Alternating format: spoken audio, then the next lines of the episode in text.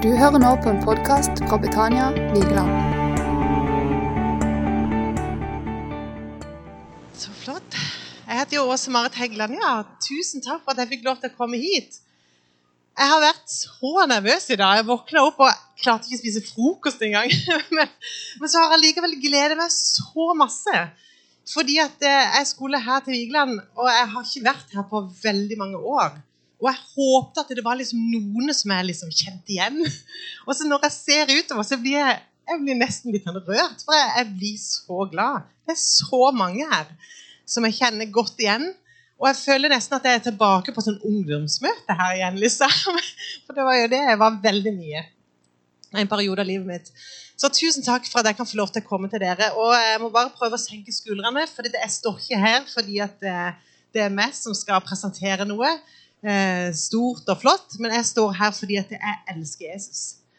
Jeg elsker Jesus, og jeg gleder meg så masse til å en gang møte han igjen i himmelen. Tenk at vi skal få lov til å se han akkurat sånn som han er. Og det er det jeg har lyst til å være med i dag og bare eh, formidle. I Romerne 8,1 så er det et vers som nå i det siste tror jeg spesielt jeg kjenner har vært så, er så takknemlig for at det bibelverset står i Bibelen så er det da ingen fordømmelse for dem som er i Kristus Jesus. Veldig ofte så klarer jeg i hvert fall, det er kanskje bare meg, å surre meg inn i et strev og et krav av skyldfølelse og, og dårlig selvbilde og skam og, og så mye som frustrerer meg. Og så kan jeg få lov til å åpne Bibelen og så kan jeg høre Guds ord. For det er det jeg gjør når jeg leser Bibelen. Det er Noen som meg, har sagt til meg at det, å, det er så vanskelig å høre Guds stemme. Jeg føler liksom aldri han snakker til meg. Jeg vet ikke hvordan jeg skal gjøre det. Men skal jeg fortelle noe? Jeg kan love deg at nå i dag skal du få lov til å høre Guds stemme. Høyt og tydelig. Så kan du kanskje tenke at hæ, så går det an? Så kan du være sikker på det. Fordi at jeg skal love å lese det høyt. For denne boka her, det er Guds ord til deg og til meg. Og hvis noen tenker at jeg har aldri hørt Gud tale høyt til meg, nei, men da må du lese høyt, da. Da taler han høyt. Så nå skal jeg gjøre det. Nå skal Gud tale til oss i dag. For jeg skal lese en helt fantastisk, nydelig fortelling fra Bibelen. Og jeg, jeg kommer aldri til å, å, å, slutte å fortelle om dette, for jeg syns det er så stort og så flott. Og det står en fortelling fra eh, Johannes 8, og vers 1, så står det Men Jesus gikk ut til Oljeberget. Det er Johannes 8. Tidlig om morgenen kom han igjen til tempelet. Folkemengden samlet seg om han, og han satte seg og lærte dem. De skriftlærde og fariseerne førte da til ham en kvinne som var grepet i hor. Og de stilte henne fram for ham, og de sa til ham, 'Mester, denne kvinnen er grepet på fersk gjerning i hor.' Og i loven har Moset påbudt oss at slike kvinner skal steines. Hva mener nå du? Dette sa de for å sette ham på prøve, så de kunne ha noe å anklage ham for. Men Jesus bøyde seg ned og skrev med fingeren på jorden. Men da de fortsatte å spørre han, så retta han seg opp og sa til dem.: Den av dere som er uten synd, han skal kaste den første steinen på henne. Så bøyde han seg ned igjen og skrev på jorden.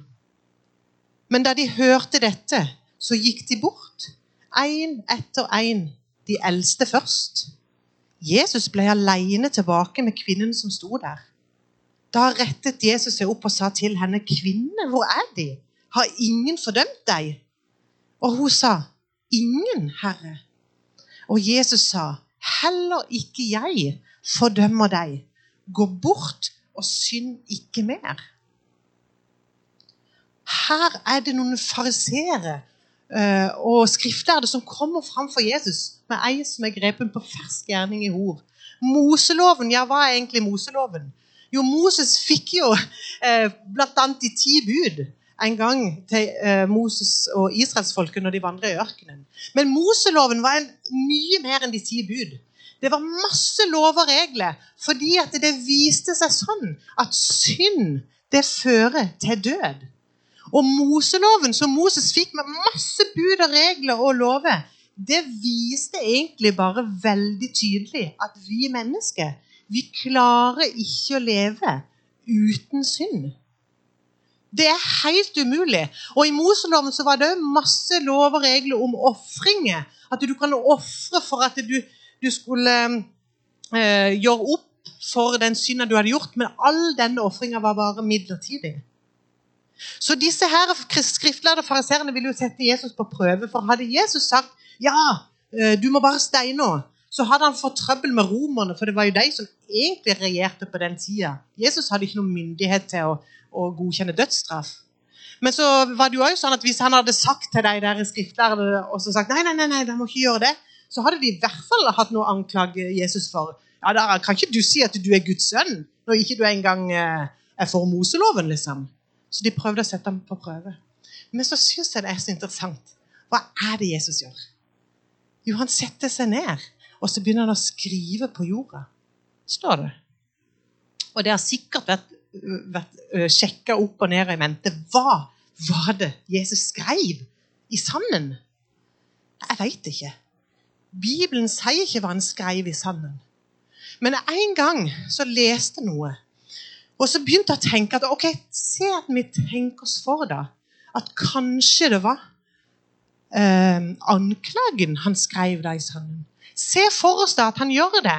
At Jesus setter seg ned og så skriver han anklagen eller synden da, som var begått. Jeg så for meg at han kanskje skriver liksom 'grepet i hodet'. Men så fortsetter jo disse her skriftlærde fariseerne og så spør jeg, hva skal vi gjøre. De står med steinene, vet du, ikke sant, klare til å kaste.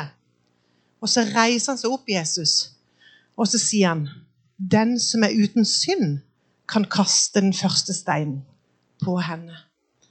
Men så står det i Bibelen at han liksom setter seg ned, så fortsetter han å skrive i sanden. Og jeg vet ikke hva han skrev. Men tenk da at han kanskje, kanskje han har flere anklager han kunne skrive i den sanden. da. Kanskje var det noen flere som sto der. De skriftlærde fariserene. Kanskje de òg. Egentlig han hadde noe han kunne skrive. Kanskje han kunne skrive hykleri, løgn. Jeg vet ikke. Men jeg vet at hvis jeg hadde stått der, og det var anklagene som skulle skrives i den sanda, så hadde den lista fra mitt liv den hadde vært så lang. Jeg tror at Jesus kunne ha skrevet og skrevet og skrevet. Og alle mine anklager Jeg tror det er løgn, misunnelse, begjær. Lista mi er så lang. Og det handler ikke bare om før jeg møtte Jesus, men det handler om at jeg faller igjen og igjen. Og jeg føler at han kunne ha skrevet så masse i den sanden. Og så var det sånn at de som sto der foran Jesus, de begynte å kjenne på den fordømmelsen med at åh, jeg er jo ikke uten synd. De begynte å kjenne på skyldfølelsen. Så én etter én står det, så tar disse fariseerne og skriftlærde og så snur de seg bare, og så går de bort. Og så reiser Jesus seg etterpå at alle har dratt, utenom kvinnen. da. Og så sier Jesus til kvinnen, 'Har ingen fordømt deg?' 'Nei, ingen', sier hun. 'Heller ikke jeg fordømmer deg', sa Jesus. 'Gå bort og synd ikke mer'. Men så tenkte jeg liksom litt på det. da. Hvordan kunne egentlig Jesus si det? Hvordan kunne Jesus si til en synder 'Jeg fordømmer deg ikke', for hun var jo skyldig. Hun var jo tatt på ferskgjerning og grepet i synd. Jo, for det var jo ikke bare hun. Alle der, de som sto der, de var grepet i synd. Både kvinnen, de skriftlærde, fariseerne, du og meg. Vi og de var egentlig alle dømt til døden. Så hvorfor ble ingen fordømt, da? Fordi det var jo én som klarte å oppfylle loven. Det er én, ett menneske, som ble prøvd i alt, men uten å synde. Og det var én som var villig til å ta den dødsstraffen. Både til den kvinna og til fariseerne og til skriftlærde. Det var en som tok din og min straff for vår synd. Han, Jesus Kristus, han var det perfekte offer som ikke bare var midlertidig, sånn som vi leser i Moseloven, men det var for evig. Halleluja. Det fins tilgivelse for våre synder. Og det var da jeg så for meg Du kan ta på neste bilde. Tenk da om våre synder blir som skreven i sand. For hva skjer hvis vi tegner i sanden? Jeg vet ikke om noen har gjort det når de er på stranda. Så tegner de noe i sanden, og så kommer bare bølgene over. Og så når bølgen forsvinner, så bare Wow! Det var borte. liksom. Det forsvinner. Så hvis mine synder er skrevet i sanden, takk og lov, for Jesu blod, det renser, de blir bare borte. Det er så herlig. Du finner de aldri igjen. Men det var jo en liten forskjell da på de skriftlærde og på kvinnen. da. Fordi at alle som sto foran Jesus, de innså sin synd. Men de skriftlærde og fariserene de valgte da å snu seg vekk fra Jesus. Når de så sin synd, så snudde de seg vekk. Men denne kvinna hun fikk lov til å møte Frelseren. Hun fikk lov til å møte han og eh, nåden. Og fikk lov til å gå bort som et nytt menneske. Det skjedde noen omvendelse. Gå bort og synd ikke mer. Kvinnen fikk nåde. Og ufortjent så kan du og meg òg ta imot frelsen. Og vi kan ta imot tilgivelsen ved troen på Jesus. Og alt er bare av nåde. Men så har jeg tenkt litt på det. Det er ikke noe som jeg har egentlig prekt om før. Men jeg vet at jeg er frelst. Jeg vet at jeg er på vei til himmelen. Jeg vet at han har vaska meg rein fra all synd. Men likevel så er det noen ganger jeg syns det er så vanskelig. Fordi at jeg feiler igjen og igjen. Bare, å, liksom. Jeg får det ikke helt til allikevel. Og så har jeg lyst til å lese noen vers fra en bok som heter 'Klagesangene'. Det er ikke så ofte jeg leser egentlig den. Der står det noe helt fantastisk. I Klagesangene, kapittel 3, og vers 21 og 22 og 23, så står det Dette vil jeg ta meg til hjertet. Derfor vil jeg håpe. Herrens miskunn er det at det ikke er forbi med oss. Hans barmhjertighet har ennå ikke tatt slutt. Den er ny hver morgen. Og sto, din trofasthet er stor. Halleluja. Tenk det at Guds nåde den er ny hver morgen.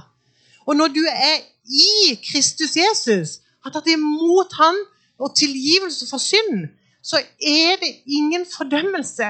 Og det prøver jeg å si igjen og igjen når jeg står foran speilet og tenker hvordan kunne du gjøre det? Hvordan kunne du si sånn, liksom? Men når du har bedt om tilgivelse framfor vår frelser og er i Kristus Jesus, så fins det ingen fordømmelse for du og meg. Og det er så herlig. Og det er dette vi må fortelle og forkynne til mennesker rundt om i verden. Fordi nå er jo nådens tid. Men så kommer det en dag hvor det skal være en dom. Og det står et par plasser til i Bibelen om det å være skrevet. Det står faktisk én plass, du kan ta på neste bilde, som er litt spesielt. Det står i eh, Jeremia 17, så står det, jeg skal bare kort nevne det, at det, det er noen navn, eller noen, som er skrevet i støvet, står det. Kanskje vi skal ta oss og lese det? Skal vi se. I Jeremia 17 og vers 13. Se om jeg finner det fram.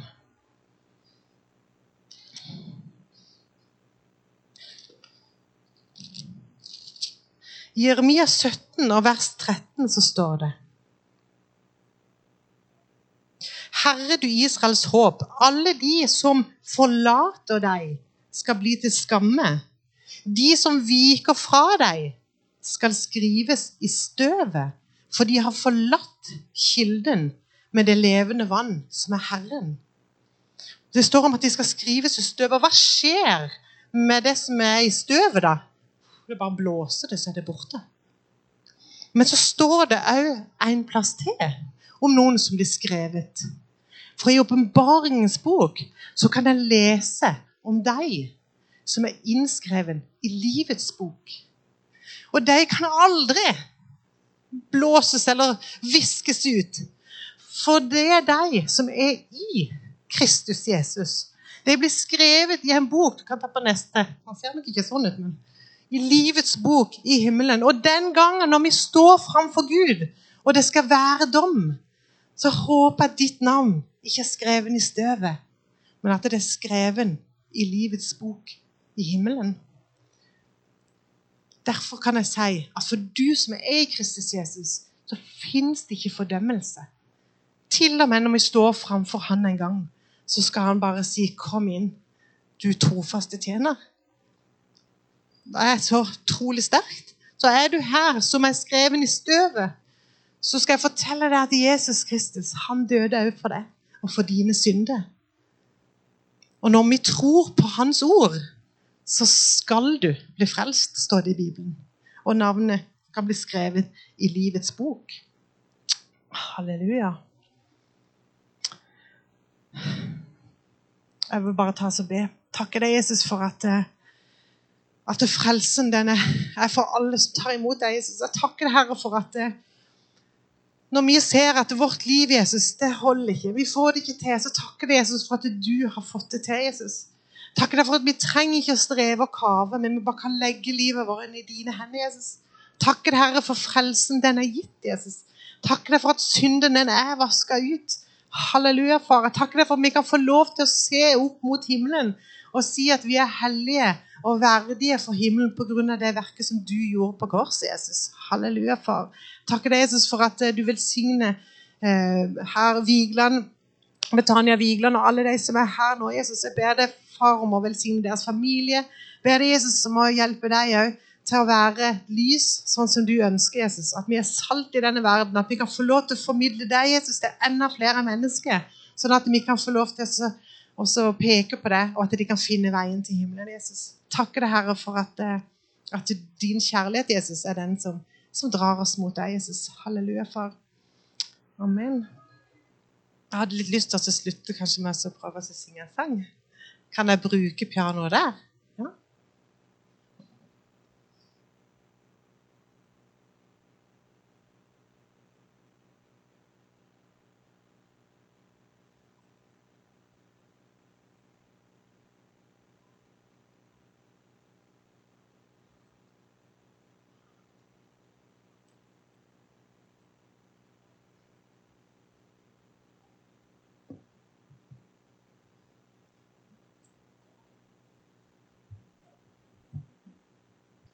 At vi en gang skal få lov til å prise Jesu navn òg i himmelen. Så jeg vil bare gi han all ære.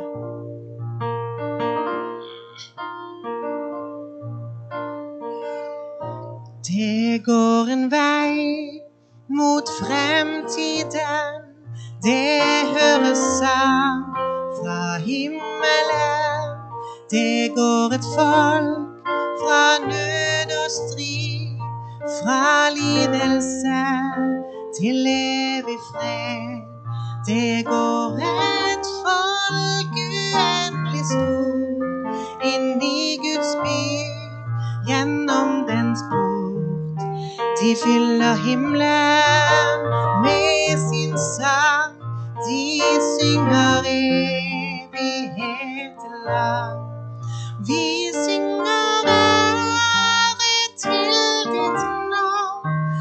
for frelsen som du